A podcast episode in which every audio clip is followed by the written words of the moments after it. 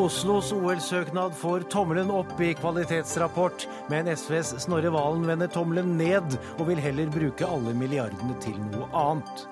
Kommunalminister Jan Tore Sanner gir grønt lys til Ikea i Vestby og storstilt nedbygging av dyrket mark i Trondheim. Bøndene og Senterpartiet fortviler.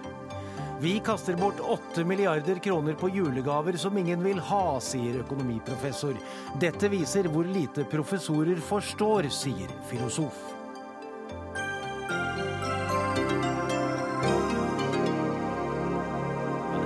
Sakene i Dagsnytt 18 denne siste fredagen før jul. Vi møter også utenriksminister Børge Brende, som frykter ny borgerkrig i Sør-Sudan, og Norsk Folkehjelps Jan Ledang, som var midt i kryssilden i hovedstaden Juba denne uka. Men vi begynner med OL i Oslo, eller det som kan bli OL i Oslo for ekspertene, som har vurdert Oslos OL-søknad for 2022, godkjenner de planene som Oslo har lagt. Rapporten konkluderer med at lekene kommer til å koste det offentlige 21,7 milliarder kroner, og anbefaler staten å garantere for 35 milliarder. Det er 1,5 milliarder mer enn det Oslo kommune har bedt om. Og Halstein Bjerke, byråd for kultur og næring i Oslo. En bom på 1,5 milliarder, det er ikke så gærent, det? Det er jo da ca. 4 av eh, budsjettet. Eh, vi bygger mye i Oslo for tiden. Vi bygger masse skoler, sykehjem, eh, noen kulturbygg, Lambda bl.a. Og jeg leser mange kvalitetssikringsrapporter. Jeg har sjelden sett en der man har truffet så godt, og der det er så lite bemerkninger. De sier til og med innledningsvis at vårt konsept er nøkternt og robust, men det er uten vesentlige svakheter. Eh, og det er godt eh, gjennomførbart konsept. Og da er det dere som har gjort en god jobb, eller er det kvalitetssikrerne som har gjort en dårlig jobb? Ja, det, det, jeg skal ikke uttale meg om kvalitetssikrernes kompetanse, men de har, nå, de, har bygd, de har, nå, vært med å lage et OL på Lillehammer, og de har laget noen sånne rapporter og kvalitetssikret store prosjekter før. Men det er klart, eh, norsk idrett og Oslo kommune, sammen med de andre kommunene, det er jo flere, Lillehammer, Øyer, eh, Lørenskog, eh, Bærum, eh, har jobbet frem et konsept på 7000 sider, omfattende, basert på gjenbruk, bærekraftige løsninger, dugnad, frivillighet. Eh, vi ønsker å ta OL tilbake til eh, det noe mer nøkterne, moderate eh, konseptet det var før. og bort fra gigantomani og Men Litt flåst av meg i stad der, Bjerke. Men, men, det jeg vil spørre om Var du trygg på at, at dere ville få et godkjent stempel, sånn som dere jo da har fått? Vi var jo aldri helt trygge. Vi, vi, følte oss trygge på at vi hadde laget et godt konsept. Vi følte oss trygge på at eh, det som var vår bærebjelke, nøkternhet, eh, bærekraftige løsninger, gjenbruk av anlegg, at det var et godt konsept. Men man føler seg jo aldri trygge på hva kvalitetssikrere kommer opp med. Deres oppgave er jo å lete etter det kritiske, finne de svake punktene, finne usikkerhetene. Her konkluderte de altså med at det var svært få usikre momenter å finne. At det var uten vesentlige svakheter. Det, det var eh, mer enn vi hadde forventet. Snorre Valen, SV, du har sagt klart og tydelig mange ganger at du vil komme til å stemme nei dersom det blir en søknad som blir eh, fremmet for Stortinget til, til votering. Er du like sikker på det nå? Ja, det er jeg. Eh, jeg har også full tillit til kvalitetssikrerne, og det skulle bare mangle at det blir gjort et eh, grundig arbeid. OL er fryktelig artig, men det er også fryktelig dyrt. Jeg syns ikke mellom 20 og 30 milliarder kroner er, er nøkternt. Jeg syns det er veldig mye penger som vi kunne brukt på kultur, på ungdomsidrett, på helse, på skole og veldig mange andre ting. Nå sa nettopp München nei til OL ved folkeavstemning. Det tror jeg er fordi de heller ikke ville bruke så vanvittige summer som det OL har blitt. Folk i Oslo sa jo ja for bare noen måneder siden. Ja, med et uh, bitte lite flertall. Uh, jeg tror ikke resten av landet deler den begeistringa, og det er nettopp fordi jeg synes det er galt at vi skal la IOC med sine 7000 1000 sider med kravspesifikasjoner bestemme utforminga av Oslo by i praksis i, i åra som kommer. Jeg syns tvert imot at vi bør si nei til OL eh, og gi det tydeligste signalet vi kan gi til IOC om at vi ikke kan være med på en sånn eh, pengekarusell.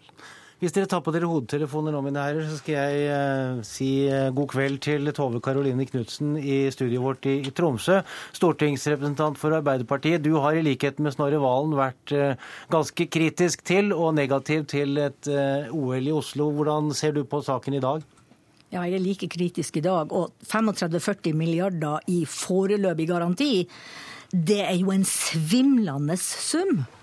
Altså, jeg tror ikke vi, eh, vi, skjønner hvor mye penger det er. Vi som sitter i Stortinget og jobber med f.eks. helse eller andre ting, er jo ikke i nærheten av å snakke om sånne tall. Så dette er veldig mye penger. Og i tillegg så kommer det at IOC kan stille krav etter at en arrangør har, sagt, uh, har fått tilslaget, så kan man altså stille krav. Som da nasjonen, arrangørnasjonen er forplikta til å svare for. Så dette er ikke å be Norge om en statsgaranti på 35-40 milliarder. Dette er å be nasjonen Norge om å gi en blankofullmakt til bruk av penger. IOC tar ingen risiko, men det gjør altså arrangørnasjonen.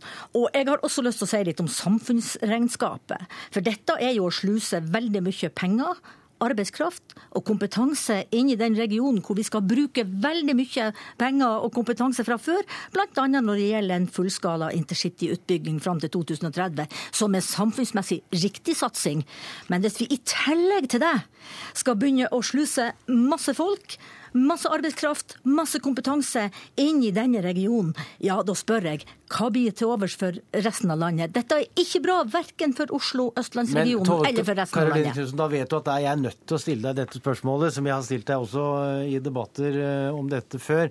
Eh, nemlig, hadde det vært snakk om 20-30 milliarder kroner til OL i Tromsø, hva hadde du sagt da?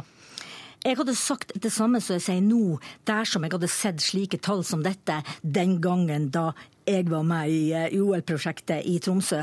Dessuten så var det en annen dimensjon også ved det prosjektet. For på den tida da vi jobba med OL i Tromsø, da var det eh, veldig store problemer i landsdelen. Det var stor netto fraflytting av ungdommer. Vi hadde ikke, og har ikke, en idrettslig infrastruktur.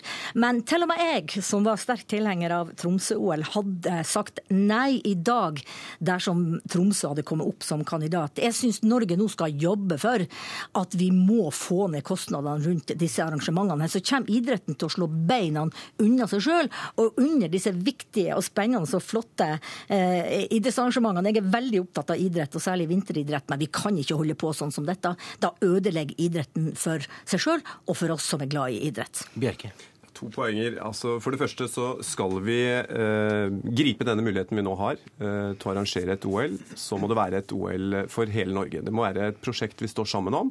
Og det må være, eh, det, det må være en anerkjennelse at dette er vår mulighet til å få et OL eh, til Norge i vår tid. Eh, og det må komme kulturlivet til gode over hele landet. Det må være til inspirasjon for idrett og ungdom over hele landet. Og det må være Norges prosjekt hvis vi skal få det til. Så er jeg enig med Knutsen i at eh, OL har tatt en uheldig retning de siste årene, at det er blitt en kostnadsspiral, gigantomani osv. Så, man, så kan man spørre seg er da svaret å melde seg ut, eller er svaret å faktisk eh, melde seg på eh, med et alternativ konsept? Vårt konsept er, koster 10% av det Sotsji-OL nå til neste år kommer til å koste. Vår, vårt svar er å levere inn et søknad basert på gjenbruk av anlegg i stedet for å bygge nye anlegg, basert på bærekraftige løsninger, der vi bruker vårt eget kollektiv kollektivsystem i byen som, som logistikkløsning. Eh, det er å, ta, å, forsøke å ta OL tilbake til det det var. Grunnideene, en god sportskonkurranse og slutt på gigantomanien. Jeg har sagt litt flåst at vårt OL, der skal det bli mer pølse og vaffel enn champagne og kaviar. Eh, og det ligger også en del alvor i det. Jeg tror OL-organisasjonen internasjonalt også har godt av å få søkere som Oslo, som ønsker å ta dette konseptet tilbake til en norsk nøktern standard. Jeg vil gjerne kommentere det. Ja, Kort, da. Ja, nei, altså, Hvis man skal endre det her, så må man, må gå, da må man gå inn i dette på en mye dypere måte. Og man må rett og slett jobbe internasjonalt for å endre hele den innretninga som IOC har, den kulturen som preger IOC, og de 7000 sidene med kravspesifikasjoner som IOC har, og som de også har kontrakt på at de skal løpende kunne stille krav om etter at en nasjon har fått eh, tilslaget. Og det vil si altså altså at IOC også dersom Oslo skulle bli valgt til, til OL-arrangør, så kan altså IOC stille krav, og de jo, slipper sjøl å betale. Det, nå skal jeg snakke med Inge Andersen om dette. Du sa dette i stad også, Tove Karoline Knutsen. Nå skal jeg spørre Inge Andersen, som er generalsekretær i Idrettsforbundet. For det er også et av poengene i, i rapporten i dag, som ekspertene sier, at det er en usikkerhet knyttet til at IOC kan komme og stille nye krav, endre rammebetingelser og gjøre sitt til at dette kan bli mye dyrere enn det man har tenkt? Nå har vi en betydelig erfaring med IOC faktisk i nyere, moderne tid. Både under OL på Lillehammer i 94 og det arrangementet vi arbeider med nå på Lillehammer i 2016, hvor staten har gitt en statsgaranti. Eh, og jeg, I det siste tilfellet har jeg vært med å forhandle mye med IOC de siste årene, og opplever at det har vært gjensidige gode forhandlinger. og Eh, og jeg tror at det i dag en helt annen åpenhet eh, ble jo utviklet under sjakkrog, og det kommer til å utvikles videre. Så du frykter ikke det som ekspertene der påpeker, at der er et usikkerhetsmoment? Nei, jeg, jeg, jeg frykter ikke det i det hele tatt. Så er jo det én ting. Det snakkes veldig mye om disse kostnadene. Dette er en enorm verdiskapning. Norsk idrett Eh, driver frivillighet hvert år verdisatt til 14 milliarder norske kroner. Vi har 28 000 årsverk frivillighet hvert eneste år. Det ble skapt en betydelig bærekraft i frivilligheten etter eh, OL på Lillehammer. Dette vil være et nytt løft for den unge generasjonen. Det er jo interessant å se at det snudde rundt folkeavstemningen i Oslo når de unge sa ja. For fremtidens generasjon, morgendagens voksne, ønsker dette. Og dette er sannsynligvis kan, Jeg har sagt det mange ganger før, du kan dytte et milliardbeløp til integrering og inkluderingsprosjekt på Oslo øst. Dette vil være faktisk et prosjekt som vil fungere i inkluderingsarbeidet. Det viser all internasjonal erfaring. Og, og, ved å integrere våre nye landsmenn i dette, og i en by som skal øke med ytterligere 100 000 de neste ti årene, ja, hvordan ellers skal du løse de problemene? Det klarte de å løse i London, det vil vi klare å løse i Oslo. Og, og, da er det som jeg sier, Har man råd til faktisk å la være å gjøre denne samfunnsinvesteringen i en av Europas sterkest voksende byer, så registrerer jeg at SV er imot. Det var det eneste partiet som var imot også da det ble gitt statsgaranti til Lillehammer i 94. Men jeg har aldri hørt noen ha klagd på at vi arrangerte OL på Lillehammer i 1994. Bare minne i, det, i ja, nå må La Snorre Valen få kommentere dette dette jeg må få kommentere det han sa. Når, når jeg hører tilhengerne av, av, OL i Oslo innimellom, så høres det ut som det eneste som mangler, er at Jesus skal dukke opp. Altså, det, Alt blir bra. Eh, det tror jeg ikke noe på. Jeg tror OL blir kjempeartig hvis det kommer til Oslo. Jeg, jeg elsker OL. Det er dritfett. Det er også fryktelig dyrt. Og jeg er den kjipe, altså. Jeg liker å prioritere. Okay, nå kutta jeg... nei, bare for å si dette, nå kutta nettopp Høyre 200 mill. i skolen, så ungdomsskoleelevene ikke får frukt mer fordi de ikke hadde rom til det. Jo, men 21 milliarder til å lage folkefest for å feire seg sjøl, det har politikerne råd til. Og det ingen snakker om, at det er 21 milliarder. Vi må finansiere med å kutte i noe annet. Og det er ikke jeg villig til å gjøre. altså. Jeg okay. syns helsestell, skole, ungdomskultur osv. Er, er mye viktigere. Unnskyld, Harry Arne Solberg, som er professor og som sitter i Trondheim. Og du har sett på overskridelser ved tidligere både sommer- og vinter-OL. Og hvilken garanti er en sånn rapport som vi har fått i dag, for at budsjettet ikke sprekker? Altså, da må vi se på hva som er årsakene til overskridelser. Da kan vi snakke om to kategorier av årsaker. Det ene er at man bevisst budsjetterer for lavt, eh, eller at man budsjetterer for lavt fordi at man ikke hadde noe erfaring eh, nok. Og, Det var det som skjedde på Lillehammer. Lillehammer hadde jo en gigantisk eh, kostnadsoverskridelse på ca. 400-500 Så har du den andre kategorien av årsakene, som er selve prosessen Eh, altså Fra man får tildelt, tildelt det her, så vet man fra erfaring at da dukker det gjerne opp en del aktører som skal smi mens jernet er varmt.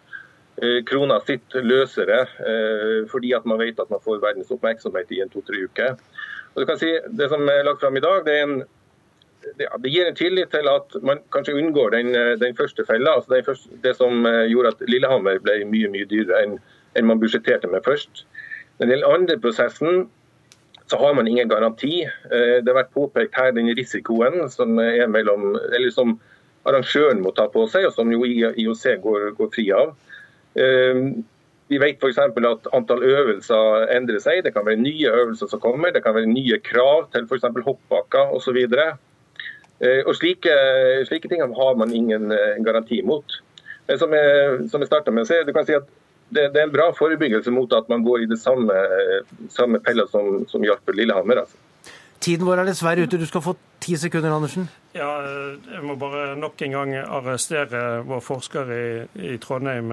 Han vet like godt som meg at det Stats, det, det, det, budsjettet som ble vedtatt, det budsjettet som ble vedtatt på Lillehammer, det gikk med et overskudd på nesten 500 millioner. Det er heldigvis den gode styringsmodellen vi har. Mine damer og herrer, vi kommer til å få rikelig anledning til å diskutere denne saken utover i Eh, året som kommer og årene som kommer. Og takk til dere i denne omgang, Halstein Bjerke, byrådsleder i Oslo, Inge Andersen, generalsekretær i Idrettsforbundet, Snorre Valen, stortingsrepresentant for SV, Tove Karoline Knutsen, stortingsrepresentant for Arbeiderpartiet, og altså Harry Arne Solberg, professor i, ved Trondheim økonomiske høgskole.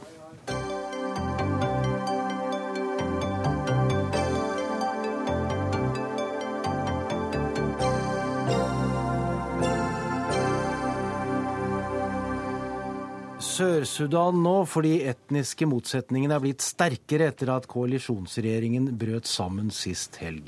I går sendte USA soldater for å forsøke å stanse volden. Konflikten er nå spredd er spredd fra hovedstaden Juba utover i landet. Og spørsmålet er nå, utenriksminister Børge Brende direkte hjemkommet fra New York, kan det bli ny borgerkrig i Sør-Sudan? Det er slik at uh, utviklinga i Sør-Sudan har tatt en veldig negativ vending bare de siste 24 timene. Det er 100 000 soldater i Sør-Sudan. Eh, hvis det er slik at de begynner å slåss med hverandre, og sivilbefolkninga eh, også blir innblanda, så kan dette ikke bare ende i en borgerkrig, men det kan faktisk utvikle seg til rene humanitære katastrofen. Det er mye som står på spill. Og nå må da Salwa Kiir som president og sammen med de andre politiske lederne sette seg ned og finne politiske løsninger. Men jeg er mer pessimist nå enn jeg bare var for et døgn siden.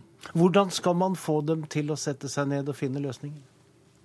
Først må jeg jo si at det er jo helt uakseptabelt at eh, man har kommet til et sånt punkt. Eh, Sør-Sudan er jo det yngste landet i verden. Størrelse på, med Frankrike, et av de fattigste landene. Salwa Kiir og SPLM, regjeringspartiet, de har jobba bra sammen. Vi trodde jo alle at det som eventuelt kunne ha skjedd, er jo at det kunne ha utvikla seg til en konflikt igjen mellom Sudan og Khartoum og mellom Sør-Sudan eh, og Juba. Men at eh, de skulle begynne å slåss internt i regjeringspartiet i Sør-Sudan, visepresident mot president, og langs etniske eh, skillelinjer i det nyeste landet i verden, det hadde jeg ikke trodd. Eh, den positive utviklinga som har vært de siste årene, eh, kan nå da forsvinne som dugg for sola. Eh, hvis man nå ikke setter seg ned og finner en politisk løsning. Og Derfor er det viktig nå at både FN, Afrikansk union og alle krefter legger maksimalt politisk press på de politiske lederne. Vi har også med oss Jan Ledang. Du er landdirektør i Norsk Folkehjelp, og du har nettopp landet på Kjevik ved Kristiansand etter at du tok deg ut av Sør-Sudan tidligere denne uka, og du havnet i kryssild i Juba. Fortell hva du opplevde. Det, var, det, skjedde da sist søndag. Um, jeg kan jo begynne med at jeg var i kirken, den anglikanske kirken samme søndag, og da sa biskopen der at han hadde han og alle de andre biskopene, bispekollegiet, hadde kommet en oppfordring til politikerne, lederne der, om å ikke gå ut i det offentlige rom med sine stridigheter. For det skremte folk. Folk var redde for at noe skulle skje. Samme kveld så, bra, så braker det løs. Og eh, Norsk Folkehjelp vi har et boligkompleks rett ved visepresidentens bolig. Og eh, sikkerhetsstyrker gikk mot den boligen, og det ble kommet til kraftige skuddvekslinger. Eh, som varte faktisk i to døgn, så vi var låst inne der, og vi kom i kryssild. Så det var en særdeles ubehagelig opplevelse. Eh, I begynnelsen var det håndvåpen. siden Sidenhen kom det stridsvogner, tanks, og begynte å skyte. Og da kampene var mellom skal vi si, nasjonalgarden til presidenten og sikkerhetsstyrkene til visepresident Salva Kiir. Og under de kampene så, eh, som ikke bare var der midt i byen, men også ved den hovedleiren til, til hæren rett på utsiden av byen. Brøt ut kamper rett etterpå, som har pågått i mange dager. Kom, kom, for min del kommer da først ut eh, på tirsdag ettermiddag. Eh, Og mm, så Hvordan kom du deg ut av området? Ja, det, det, var jo opphold i striden i perioder. Og, mm, og på tirsdag morgen etter jeg hadde tatt en halv flaske konjakk og delt på mine tre kenyanske venner Vi var få igjen, de fleste hadde reist på ferie. Så jeg foreslo at når de begynte å skyte igjen på tirsdag morgen, kraftig ild, så sa jeg nå må vi ha en angstfordriver. Så var det på en måte siste rest av kamphandlinger. Når de var over, så tok jeg bilen kjørte opp til ambassaden og gikk inn der. Det er jo et sik eh, rimelig sikkert sted, da. Hvordan ser du på, på eh, mulighetene, utviklingen videre nå, Ledang? Det ser ikke lyst ut. Og jeg er enig med utenriksministeren. Det er um, statslederne i, i Øst-Afrika, kirkeledere, som også spiller en, en stor rolle, som, som, muligens kan redde dette. Men uh, jeg er ikke veldig optimistisk. Fordi at uh, det, konflikten henger jo sammen med ikke bare det, bare det politiske, men etnisk gamle etniske konflikter kommer, popper opp. Og det er ingen tvil om at nuerene eh, ble summarisk henrettet i Juba, og dette skal hevnes. Nå ser vi at hevnen tas i andre områder hvor nuerene er sterke. Å stoppe en slik voldsspiral Veldig, veldig vanskelig. Men hovedansvaret ligger på de to lederne, president Salva Kiir og visepresident Reak Bashar. Og Den ene er altså Dinka, og den andre er Nuer ja. Børge Brende. Og, og, og ja, dette, at dette er blitt en, en, mer etnisk konflikt enn det var tidligere, hva tenker du om? Jeg syns det er veldig, veldig trist. Og mm, med et stort uh, potensial for å utvikle seg uh, til uh, både en borgerkrig men en borgerkrig som kan føre til at tusenvis av mennesker mister livet. Så jeg ser veldig alvorlig på det som uh, nå har skjedd, og det påhviler også da uh, FN, og muligens da uh, Sikkerhetsrådet, må nå sette seg ned og diskutere om hvordan man da skal håndtere dette. Og som også det blir sagt her, det er slik at da Eh, Salwa Kiir, som er president, og, og tidligere visepresident eh, Rik Mashar, må nå bli enige om en løsning. For hvis det er slik at dinkaene skal begynne da å krige med nuerene, eh, så vil dette kunne ende i et blodbad som vi ikke har sett mm, på veldig lang tid. Så det de afrikanske lederne i Øst-Afrika, Museveni i Uganda, også da Etiopia, også eh, lederen for Den afrikanske union må tenke gjennom, også i nær koordinering med de faste medlemmene i Sikkerhetsrådet, er jo mm, når eh, er det man må gå inn og si at eh, nok er nok for disse drapene som skjedde på disse to FN-soldatene i går, kan være begynnelsen på noe meget alvorlig. Jeg snakka jo lenge med Hilde Frafjord Jonsson, vår tidligere utviklingsminister, som nå er FNs høyeste representant i Sør-Sudan. Eh, hun har ansvar også for 7000 FN-soldater der. Og nå er det altså over 20 000 sivile som har samla seg på FNs eh, område. Så mm, dette eh, er nok den mest vanskelige uh, situasjonen vi har i verden akkurat nå, faktisk. Ja, du nevner Frafjord Johnsen. Det er også sånn at eh, Norge ga noe sånt som borti en halv milliard i bistand til Sør-Sudan i fjor. Uh, gir det Norge en, en, spesiell mulighet til å, å påvirke utviklingen?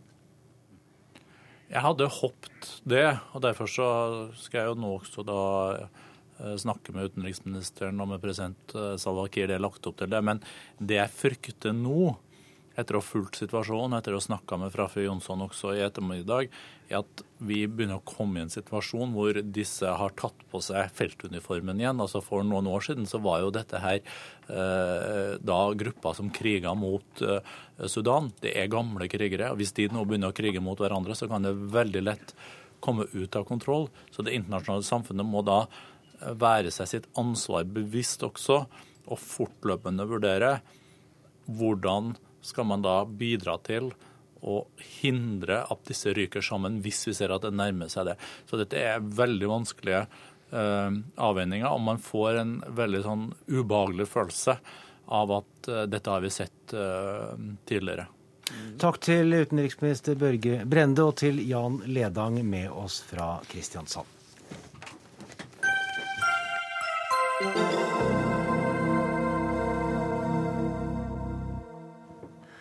Kommunalminister og moderniseringsminister Jan Tore Sanner ga i dag grønt lys for storstilt utbygging på dyrket mark i Trondheim og i Vestby i Akershus. Protestene fra bønder og naturvernere har vært kraftige, men du hørte ikke på dem. Du sa ja til Ikea. Statsråd Jan Tore Sanner, hvorfor det? Det er eh, vanskelige spørsmål eh, med krevende avveininger. Eh, men i begge de sakene så har vi lagt stor vekt på den brede lokale enigheten. For Trondheims vedkommende så dreier det seg om å legge til rette for, for 4000 boliger. Viktig del av byutviklingen i Trondheim. Og for Ikea i, i Vestby så ser vi også på det som en utvikling av sentrum i Vestby. Eh, det ligger nær eh, jernbanen. Det er god tilgang for de som kommer med bil. Og I tillegg så er det bred både enighet i Vestby, men faktisk i hele regionen. Det er 20 kommuner som har stilt seg bak denne, denne beslutningen. Og for vår regjering så er det viktig å lytte til det lokale selvstyret. Men eh, hva med hensynet til matsikkerhet, jordvern, eh, fremtidige generasjoner, det som har vært gjengangeren i protestene? Ja, det er, det er, et veldig viktig hensyn. Eh, og Det er også grunnen til at, at vi har brukt litt tid på å foreta den, den, avveiningen. Jeg har vært opptatt av å lytte til de ulike interessene. Eh, men i eh, denne saken så kom vi frem til at det var andre hensyn som måtte veie tyngre. Eh, og for Vestbys vedkommende så har jo Ikea selv redusert arealet fra 135 dekar til 70 dekar. Det betyr at det er et ganske begrenset område. Og man har også foretatt vurdering om det er andre steder man kunne bygge. Og Vi legger nå også en føring på den videre reguleringsplanarbeidet i Vestby, nemlig at man skal skal se på om man kan redusere det ytterligere. Brita Skallerud, du er nestleder i Norges Bondelag, og du er bonde i Akershus. Og Vestby ligger som kjent i Akershus. Og du har sagt at du er både trist og fortvilt og lei deg, ikke minst på, på vegne av fremtidige generasjoner i dag? Ja, jeg blir det. Fordi at uh, i hver eneste sånn sak så taper uh, matjorda. Og det er ingen fornybar ressurs. Eh, og det er mat vi trenger eh, mer av i framtida. Og eh, vi kan legge boliger, vi kan legge møbelvarehus på alle andre plasser enn på matjorda. Og det er jo det som saken dreier seg om, hvor vi legger sånne ting. Og det er jo ingen, verken vi i Bondelaget eller andre som er imot arbeidsplasser eller at vi trenger det, men vi trenger altså ikke å legge det på de 3% matjord som vi har i Norge, hvor det er kun 1% av den jorda vi har som vi kan dyrke matkorn på. Og Det kan vi gjøre både utenfor Trondheim og vi kan gjøre det på Vestby. Derfor så er det utrolig viktig at det, for hvert dekar vi kan ta vare på, så, så det, har det betydning. Ett dekar matjord er 1000 brød per år i all framtid. Og dette er ingen reversibel prosess. altså det, det, er ikke mulig å endre det. Så vi må, vi må egentlig sette vår lit til uh, Ikea, vi nå. Men ja, nettopp fordi at Ikea har jo sagt at uh, Ikea, så vidt jeg har forstått, vil flytte på denne matjorda og så legge den et annet sted og legge til rette for korndyrking. Jeg tror ikke noe på det? da, eller? Nei, det er ren skrivebordsteori. fordi at det å bygge opp en så god matjord som det f.eks. er på Vestby, det gjør man ikke over natta, og ikke ved å flytte matjorda. fordi at man endrer hele vannsituasjonen bl.a. i matjorda. Så du kan flytte jord, men det høres ut som det er en ledig plass å legge den jorda. Det er jo ikke det heller. Altså, hvis man skal flytte la oss si 100 mål, da, så ligger det jo ikke 100 mål ledig et annet sted som ikke er dyrka opp fra før. Så skal man på en måte legge det inn i skauen, eller hvor har han tenkt den? Altså, det er en del sånne praktiske ting. Vi skal høre med Jan Tore Sanner, for du har brukt dette argumentet i dag. Ja da, det er riktig det at eh, Ikea har eh, garantert eh, at de skal sikre at denne jorden blir godt, godt anvendt. De har engasjert forskere som skal følge, følge prosessen. Og de har sagt at hvis ikke dette kan gjennomføres på en bærekraftig måte, så blir det heller ikke bygget. Og det er klart at når et, når et stort selskap garanterer dette, så har vi også tillit til, til det. Men for oss har det, har det også vært viktig å lytte til det lokale demokratiet og til en hel region som har stilt seg bak dette. Det er ikke bare Vestby kommune, men det er 20 kommuner, Akershus eh, fylke. Eh, og det må også, også veie tungt i, i denne, den, denne, saken. Eh, og Dette er da en sak hvor den forrige regjeringen ikke maktet å skjære igjennom. De maktet ikke å skjære igjennom eh, i denne saken. De maktet ikke å skjære igjennom i, i Trondheim. Jeg har fått en hyggelig telefon fra Arbeiderpartiets ordfører i Trondheim i dag, som er veldig glad for at vi legger til rette for, for byutvikling. Vi kan ikke stoppe all utvikling i Norge. Vi er nødt til å foreta viktige avveininger. Jeg syns ikke det var lette saker, men vi var nødt til å skjære igjennom og få, uh, få legge, legge til rette også for utvikling. Da må jeg anrope en annen som er i Trondheim, nemlig Marit Arnstad, tidligere statsråd. Du driver ikke og feirer i dag, tror jeg? Nei, jeg syns dette er sørgelig. Eh, og det er klart at med Senterpartiet i regjering så har dette ikke blitt gjennomført. Eh, og, og, det er en av grunnene til at den rød-grønne regjeringa ikke gjennomførte. Men eh, altså, i, i, tilfelle, nei, vent litt, i tilfelle Trondheim så, så, så, er det vel et faktum som Sanner var inne på, at Arbeiderpartiet har gått inn for denne jo. utbyggingen, og også til og med SV? Jo, men la meg få lov å se litt nærmere på det. fordi at jeg synes jo eh, Trondheimseksempelet er et ganske interessant eksempel. Det er jo riktig at eh, det var sentrumspartiene som gikk imot i Trondheim, og resten gikk for. Eh, men det er også riktig at Trondheim i den saken agerer i strid med det som er det regionale samarbeidet mellom kommunene i Trondheimsregionen. Og det ligger jo en innsigelse, en innsigelse fra nabokommunen Malvik, som ligger like sentralt til som Trondheim, og som har store arealer Eh, tilgjengelig som ikke er dyrkbar mark, og der du godt kan bygge boliger. Og, og Jeg har all respekt for lokaldemokratiet, men når lokaldemokrati står imot lokaldemokrati, så er det også sånn at planministeren bør se på hva som er fornuftig, både jordvernmessig, men også når det gjelder regional, eh, regionalt samarbeid og regional utvikling. Og Der syns jeg eksempelet i Trondheim eh, dessverre er sånn at Trondheim har reagert til tross for det regionale samarbeidet som finnes i, i området. Da må, også, da må jeg også legge til at I den saken så anbefalte også fylkesmannen i Sør-Trøndelag at eh, vi så bort ifra de innsigelsene som hadde kommet fra landbruk- og miljøavdelingen. Så her er det ulike hensyn som står mot hverandre. og det, Vi må også legge til rette for, for by, byutvikling. Det er viktig å, å sørge for at, eh, at, det blir boligtomter, ledige boligtomter som gjør at vi kan få bygget flere boliger. Det er vekst i, i Trondheim, og det må vi også legge til rette for. Kan jeg få lov å se en ting knytta til det? fordi at, at Skallerud var jo inne på her hvor marginal eh, matjorda er i Norge med 3% og der 1% er kornareal. Og, og de her områdene rundt Trondheimsfjorden og på det sentrale Østlandet, det er kornarealet i Norge. og Det er 1 jo, men dette er også... det, det, signalet, det, det, det signalet som du gir når du åpner for nedbygging av nesten 1000 mål jord, altså det er 15 gang delegjerde jordet i, i Akershus, 15 gang det jordet. Du nå åpner for i Trondheim, det gir, det, hvilket signal du sender ut når du åpner for det, uten at Trondheim har et Marit Arnstad, jeg må spørre deg, Sier du nå at, du nå at det, det, han har gjort i Trondheim er mye verre enn det han har gjort med, med Ikea i Vestby Akershus? Ja, for det sender et veldig uheldig signal til andre utbyggere, kommuner og tettsteder som er i en pressa situasjon når det gjelder nedbygging av dyrka mark, enten det er på det sentrale østlandsområdet eller det er i Trøndelagsområdet. Og jeg vet jo at tettstedene tettsteder rundt Trondheimsfjorden har akkurat de samme problemstillingene som Trondheim, men de har ikke tatt seg til rette og gjort de vedtakene som de har. Dette... De heller igjen tvert imot. Men, men, men de, de, jordene vi snakker om i, i Trondheim, de ligger også inneklemt.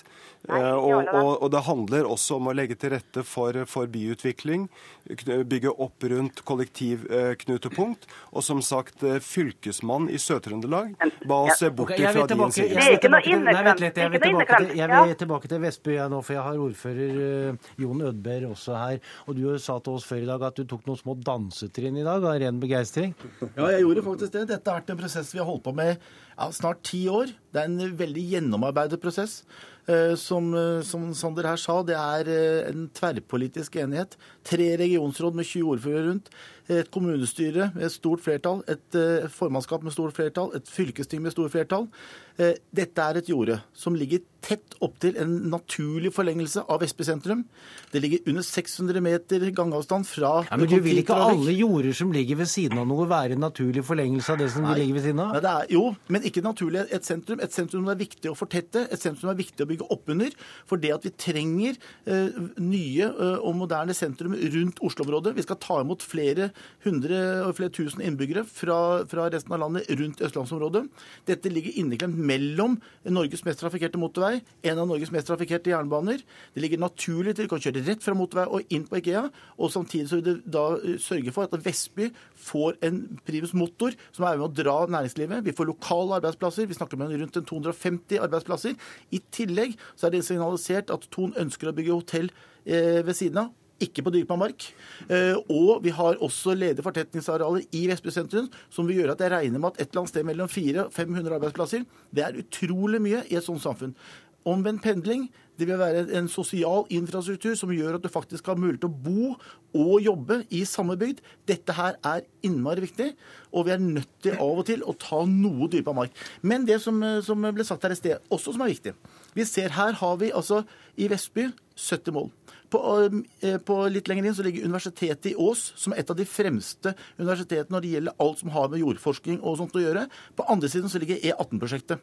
Her har vi en unik mulighet for å ha E18-prosjektet med jordflytning og med nydyrking, samtidig som vi ser Ikea, som har en stor, tung aktør som er genuint opptatt i å finne løsninger som kan gå an. Og Det er riktig at vi kanskje ikke har de beste løsningene da når det gjelder jordflytting, men vi får dem heller ikke hvis vi ikke får sjanse til å prøve. Ok, Nå må Brita Skallerud få lov å få ordet. Nei, skal, jeg skal svare litt på dette med inneklemte arealer, for det er jo en unnskyldning man bruker veldig ofte i jordvernsaker. Og så all, man, grunnen til at folk bosatte seg der de har bosatt seg i Norge, det er jo fordi at det var mulig å dyrke mat der. Så alle de gode tettstedene i Norge de ligger der hvor be, den beste matjorda ligger. Og Det betyr at alle, arealer blir såkalt inneklemte. Og det, også Når man kaller 1000 mål i Trondheim inneklemte arealer altså Vi har ikke så mange store sammenhengende arealer i Norge. Vi er lagd, har en topografi og et klima som gjør at eh, jorda våre ligger spredt og ligger der de ligger. Og Dette får vi ikke flytt på. Men, og Jeg er ikke imot arbeidsplasser i Vestby, og jeg forstår veldig godt at man trenger boliger i Trondheim. Men man, altså som sagt, vi har 97% areal i Norge. Vi kan bygge de både boligene og den i, de arbeidsplassene okay. på. Det er ingen konflikt i det. Vi har igjen gått over tida. Jeg må bare gi Sanner ti sekunder til slutt. Jeg har veldig stor respekt for de argumentene som, som, som, fremføres. Vi er også opptatt av å ivareta jordvernet. Men så er det i denne type saker så må du foreta noen avveininger, og det bygge opp under sentrum, sørge for fortetting, det er også et veldig viktig miljøargument. Ok, Takk til dere. Jan Tore Sanner, kommunal- og moderniseringsminister, Brita Skallerud, nestleder i Norges Bondelag, Jon Ødberg, ordfører i Vestby og leder i næringskomiteen på Stortinget for Arbeiderpartiet. Unnskyld, selvfølgelig ikke. Det sto feil på mitt papir. Senterpartiet, Marit Arnstad. Takk, alle sammen.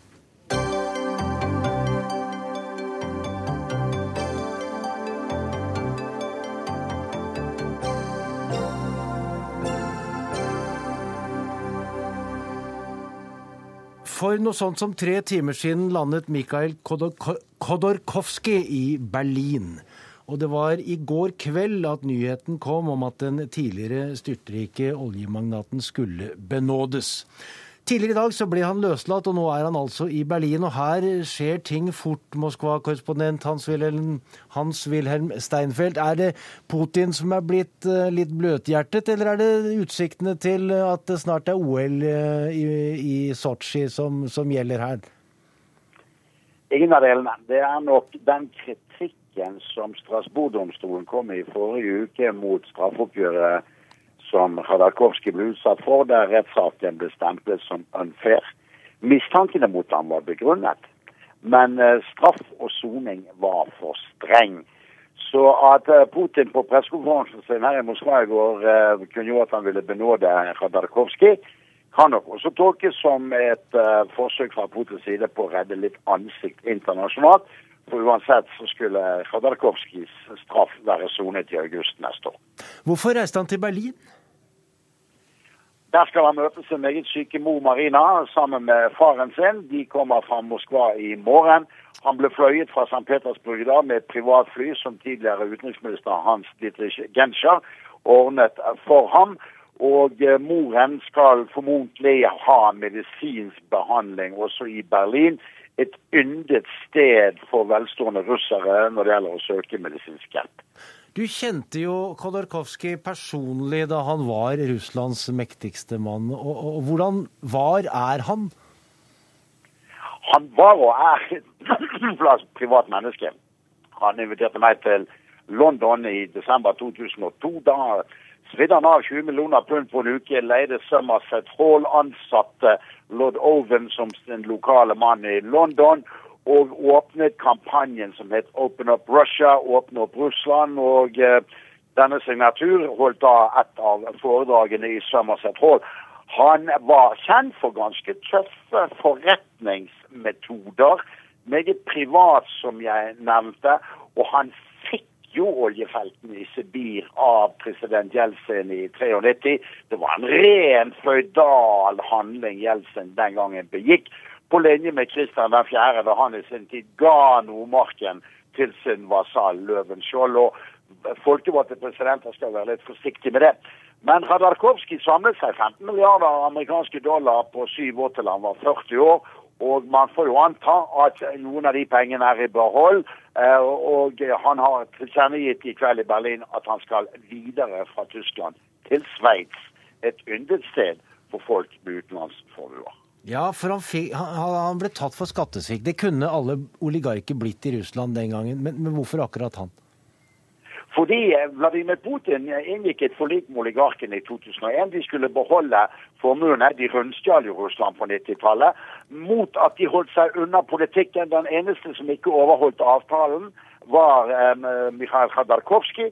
Han begynte å finansiere opposisjonspartiene, og etter hvert røpet han vel ambisjoner om at han kunne tenke seg å bli president i Russland, eventuelt utfordre eh, Vladimir Putin til presidentvalget i 2004. Og så ble det brått slutt ved arrestasjonen i 2003, og siden har han vært holdt fengslet. Jeg klarer jo ikke å si navnet hans sånn som du gjør det, Hans Wilhelm Steinfeld, men, men kan han komme til å spille en rolle i fremtiden i russisk politikk?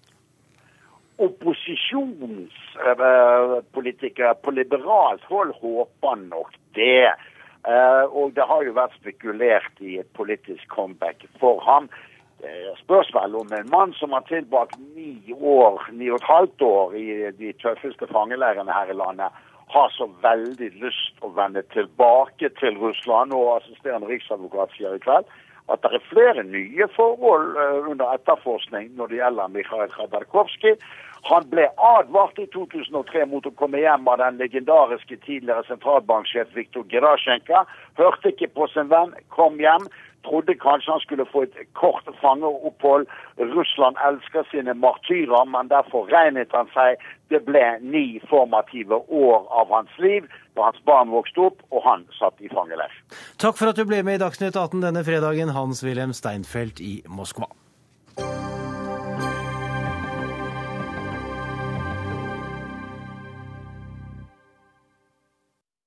Gir Juleshopping er sløseri og gir samfunnsøkonomisk tap, det sier økonomiprofessor Steinar Strøm. Og de mest ubrukelige gavene ifølge ham, det er det tanter og onkler som gir. Steinar Strøm, velkommen hit, professor i økonomi altså. Hvorfor kan juleshopping gi samfunnsøkonomisk tap? Ja, Nå er det ikke min undersøkelse, det er amerikanere som har gjort dette. Også undersøkt Norge. Tapet er knyttet til at du får feil gaver. da. Jeg mener én av fem er feil. Nå er ikke dette mitt anliggende. Mitt anliggende er at det er ingen grunn til at det offentlige skal pushe julegaver på oss.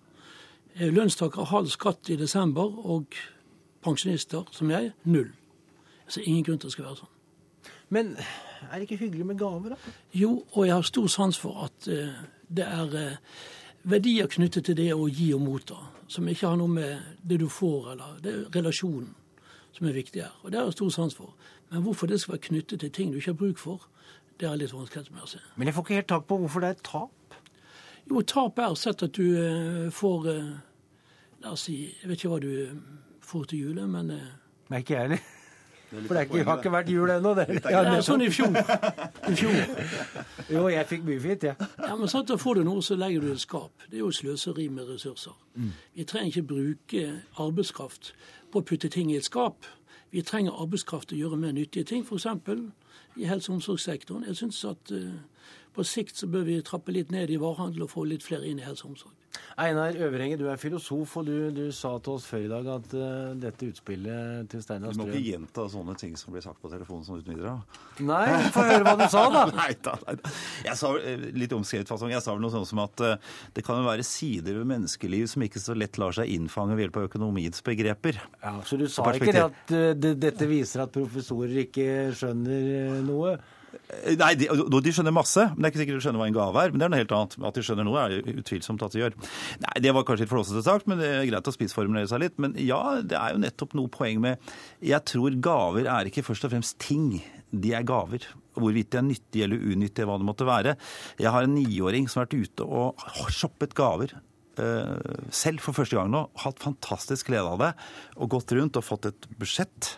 Og vært rundt og drevet på. og om det er nyttige ting vi får eller ikke. Hva er det som gjør en ting unyttig? Hvis jeg får noe av et barn eller noe sånt som det har vært kjøpt egenhånd, som er en ganske fantastisk flott eggekopp som ikke lar seg bruke, f.eks. Er det unyttig eller er det nyttig? Er det sløseri eller er det ikke sløseri? Ikke?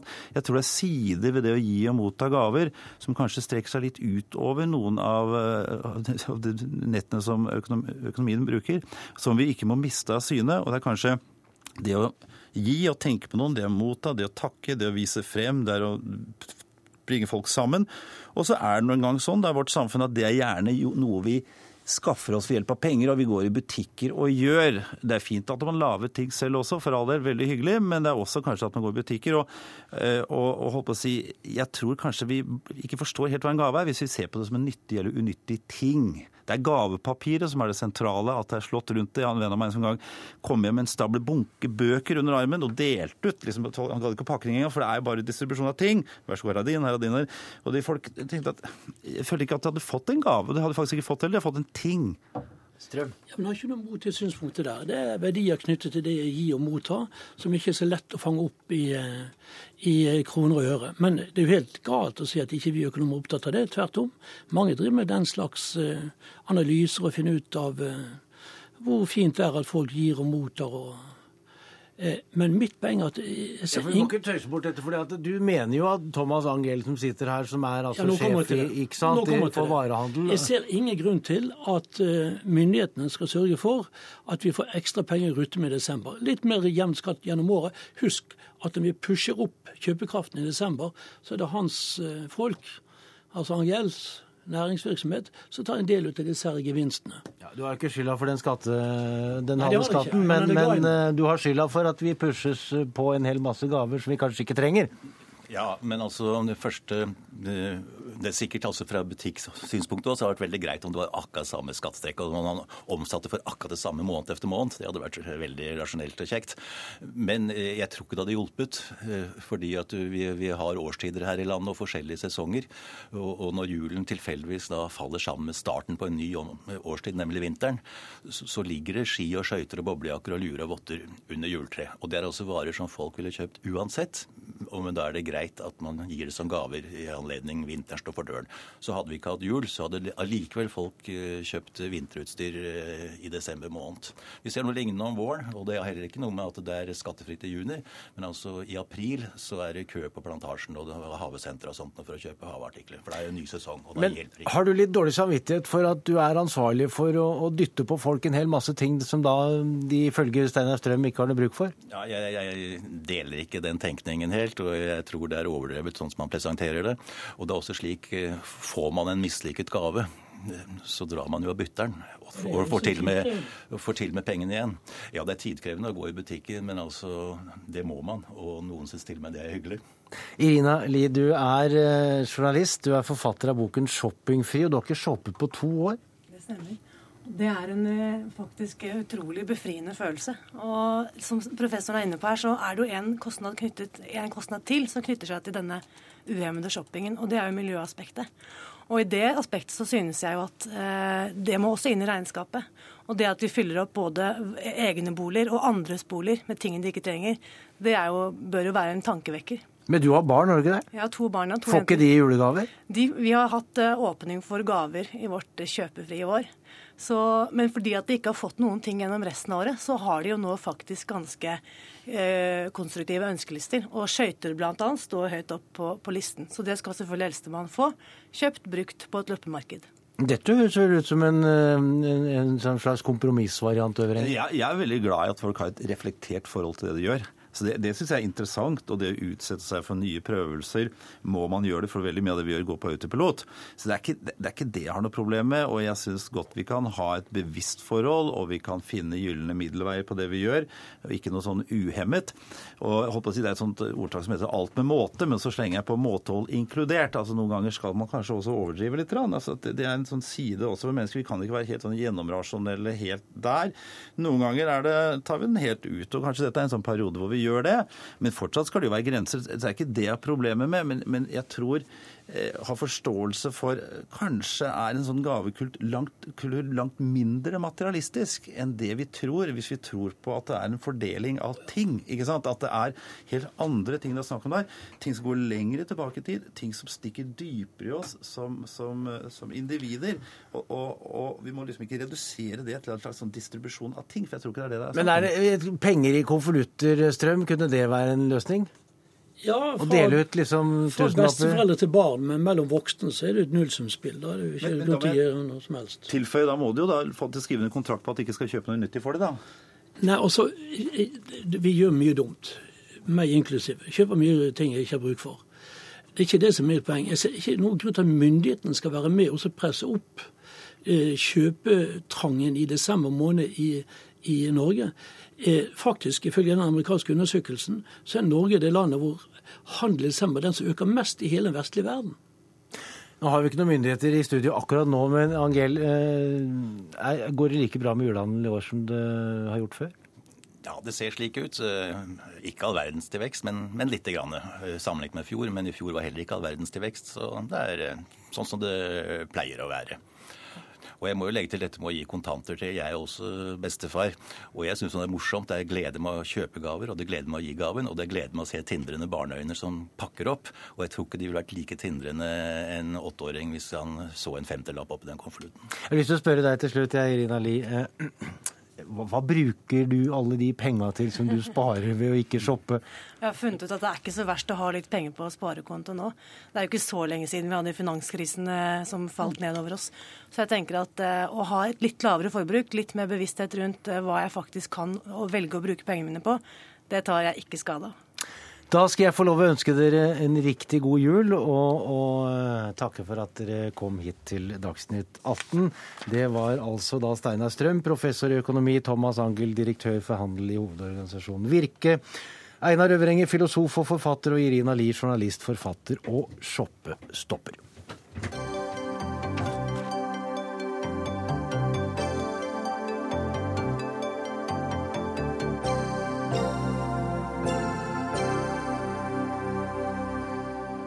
Det omstridte nettstedet dokument.no fyller ti år i disse dager, men gratulantene har ikke nødvendigvis stått i kø. Tvert imot, jubileumsskriftet, som er en tykk bok trykket på papir, har vakt reaksjoner og beskyldninger om rasisme. Og Snorre Valen, du har kalt dokument.no et ekkokammer for rasistiske ytringer. Hva begrunner du den påstanden med? Nei, Det er det når du trykker kronikker som bærer seg over afrikaneres lave intelligens, og hvordan intelligensnivået vannes ut når de innvandrer hit. Når du sammenligner en religion som islam med nazisme, og når du skriver at Sverige er i ferd med å gå under som nasjon hvis, hvis man ikke gjør noe med innvandringa. Det er det er fremmedfiendtlig, det er småparanoid, og det er ikke et konstruktivt bidrag til en kritisk debatt om innvandring og integrering. Hans Røstad, ansvarlig redaktør i Dokument.no, hva sier du til det Snorre Valen sier? Jeg vil først gripe fatt i det du sa innledningsvis, fordi at ikke det er møtt med, med positiv respons, er jo beviselig feil. Jeg sa jo bare at gratulant ikke har stått uh, i kø. Jo, men den anmeldelsen, store anmeldelsen sto i Aftenposten. Okay burde du nevne. Greit. Ja, For der skrev Bjørn Sterk at dokument var en tiltrukket stemme i norsk offentlighet. Og det, bare den introduksjonen er meget tendensiøs. Så vil jeg si til eh, Valen at jeg syns det er eh, uverdig rett og slett av en stortingsrepresentant å bruke et sånt språk som han både gjør nå, som han brukte i Aftenposten, hvor han trakk fram det styrmer. Det er en forsøpling av debatten. Minner om uh, Sigbjørn Holmebakks begrep om brønnpissing. Altså du forgifter det offentlige ordskiftet med å bruke sånne begreper. Og Der Stürmer var altså et nazistisk tidsskrift på, på hva er det du, bare, vi må, sånn at ikke det blir, Hva har du sagt om det, Snorre Valen? Jeg har ikke kalt Dokument nazister. Det har påpekt at forsida på det her tidsskriftet med sine grove etniske stereotypier, eh, der hele trosretninger reduseres til stornesa folk med bombebelter, eh, foran en heksegryte. Det er både en motivbruk og en grad av en etnisk stereotypi som bringer tankene hen en, til 30-tallets karikaturer. Nå er jo dette et radioprogram, sånn at det er ikke så lett å se denne tegningen. Men, men, men, men, men karikaturer er jo, skal jo kunne trekke ting litt lenger enn andre ting? Absolutt. Jeg mener at grensa går ved, ved sterke etniske stereotypier hvor du tillegger hele folkeslag eller hele trosretninger ondskap. Jeg mener f.eks. at Dagbladet gikk eh, like langt over streken da de framstilte en israelsk statsleder som fangevokter i en holocaust-leir. Eh, jeg mener at den typen bildebruk det kan vi holde oss uten. Nei, men så er det kontekst. Det er også avhengig av avsender hvordan man tolker en tegning eller et budskap. Og når det kommer fra en nettside som sammenligner islam med nazisme, eh, og som skriver at afrikanere har en gjennomsnittlig intelligens som er lavere enn de som er psykisk utviklingshemma, ja, eh, da skjønner jeg godt at veldig mange blir støtt og såra av det. Rustad. Altså, jeg må si at uh, På vei opp her så tenkte jeg er det riktig å stille opp i debatt med uh, Snorre Valen? Fordi når jeg hører den vulgærpropagandaen uh, som han kommer med, er så er det sånn at nå, nå, er jo Snorre Valen politiker, og han bør huske på at det er ganske mange tusen mennesker der ute som kan gå inn på nettsiden, se selv om denne beskrivelsen han kommer med her, stemmer. Mm. Det er, det er, jo et bud som heter at man skal ikke tale ondt om sin neste. Og dessverre så føy, er Snorre Valen føyer seg inn i tradisjon som sosialistene har dyrket helt siden Lenin, hvor det går ut på å nagle folk til skampellen med de mest ondsinnede jo, men En ting er, en ting er tolkningen av hans av karikaturtegninger, men noe annet er vel de direkte sitater som han da gir her? Det er jo de som er ondsinna rusta, ikke min kritikk. Hør her. Han siterer fra en svensk eh, kronikør som har skrevet på gjesteplass hos oss. Siste innlegg sto for to år siden.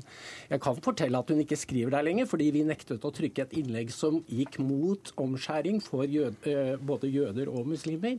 Den, det likte ikke vi. Vi syns at jøder har det såpass tøft at vi ville ikke trykke det. Og da ble vedkommende sur og brøt kontakten. Det er bakgrunnen. Men altså, Valen går etter kun on, det er kun ondsinne. Det er i verste mening. Han henter eksempler. Altså, eh, jeg, jeg blir eh, jeg, jeg nekter å diskutere på de premissene.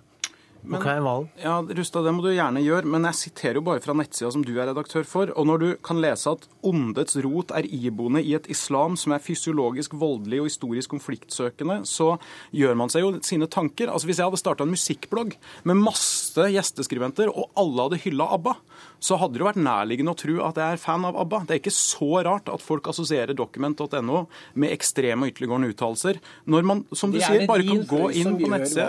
Det er ikke vanlig oppgående, kritisk innstilte okay, mennesker. Men da kan jeg komme det. med et eksempel til. Nei, ikke gjør det. Ja. Nå skal jeg spørre Rustad til slutt, for vi nærmer oss slutten. Ja. Er det et poeng for deg å, å pushe grensene så langt det er mulig? Nei. Det vi publiserer, det kan hvem som helst sjekke. Jeg vil si at i dagens Europa er vi et moderat, et moderat stemme. Og det jeg kan si, er at Valen er tilhenger av de metodene som Ekspressen nettopp har brukt, med å bruke et ekstrem venstre til å kartlegge 6000 mennesker, offentliggjøre navnene, dra hjem til dem og henge dem ut. En politiker i Sverigedemokraterna fikk en bombe gjennom, eh, gjennom brevsprekken på søndag. Ok, Da fikk du siste ord i denne debatten. Kanskje det da gjør opp for at du da var i tvil om du skulle være med. Takk i hvert fall til Hans Rustad og til Snorre Valen. Dagsnytt 18 er slutt. Teknisk ansvarlig var Finn Lie. Ansvarlig for sendingen var Magnus Bratten. Her i studio Erik Vold, og det blir Dagsnytt 18 igjen på mandag.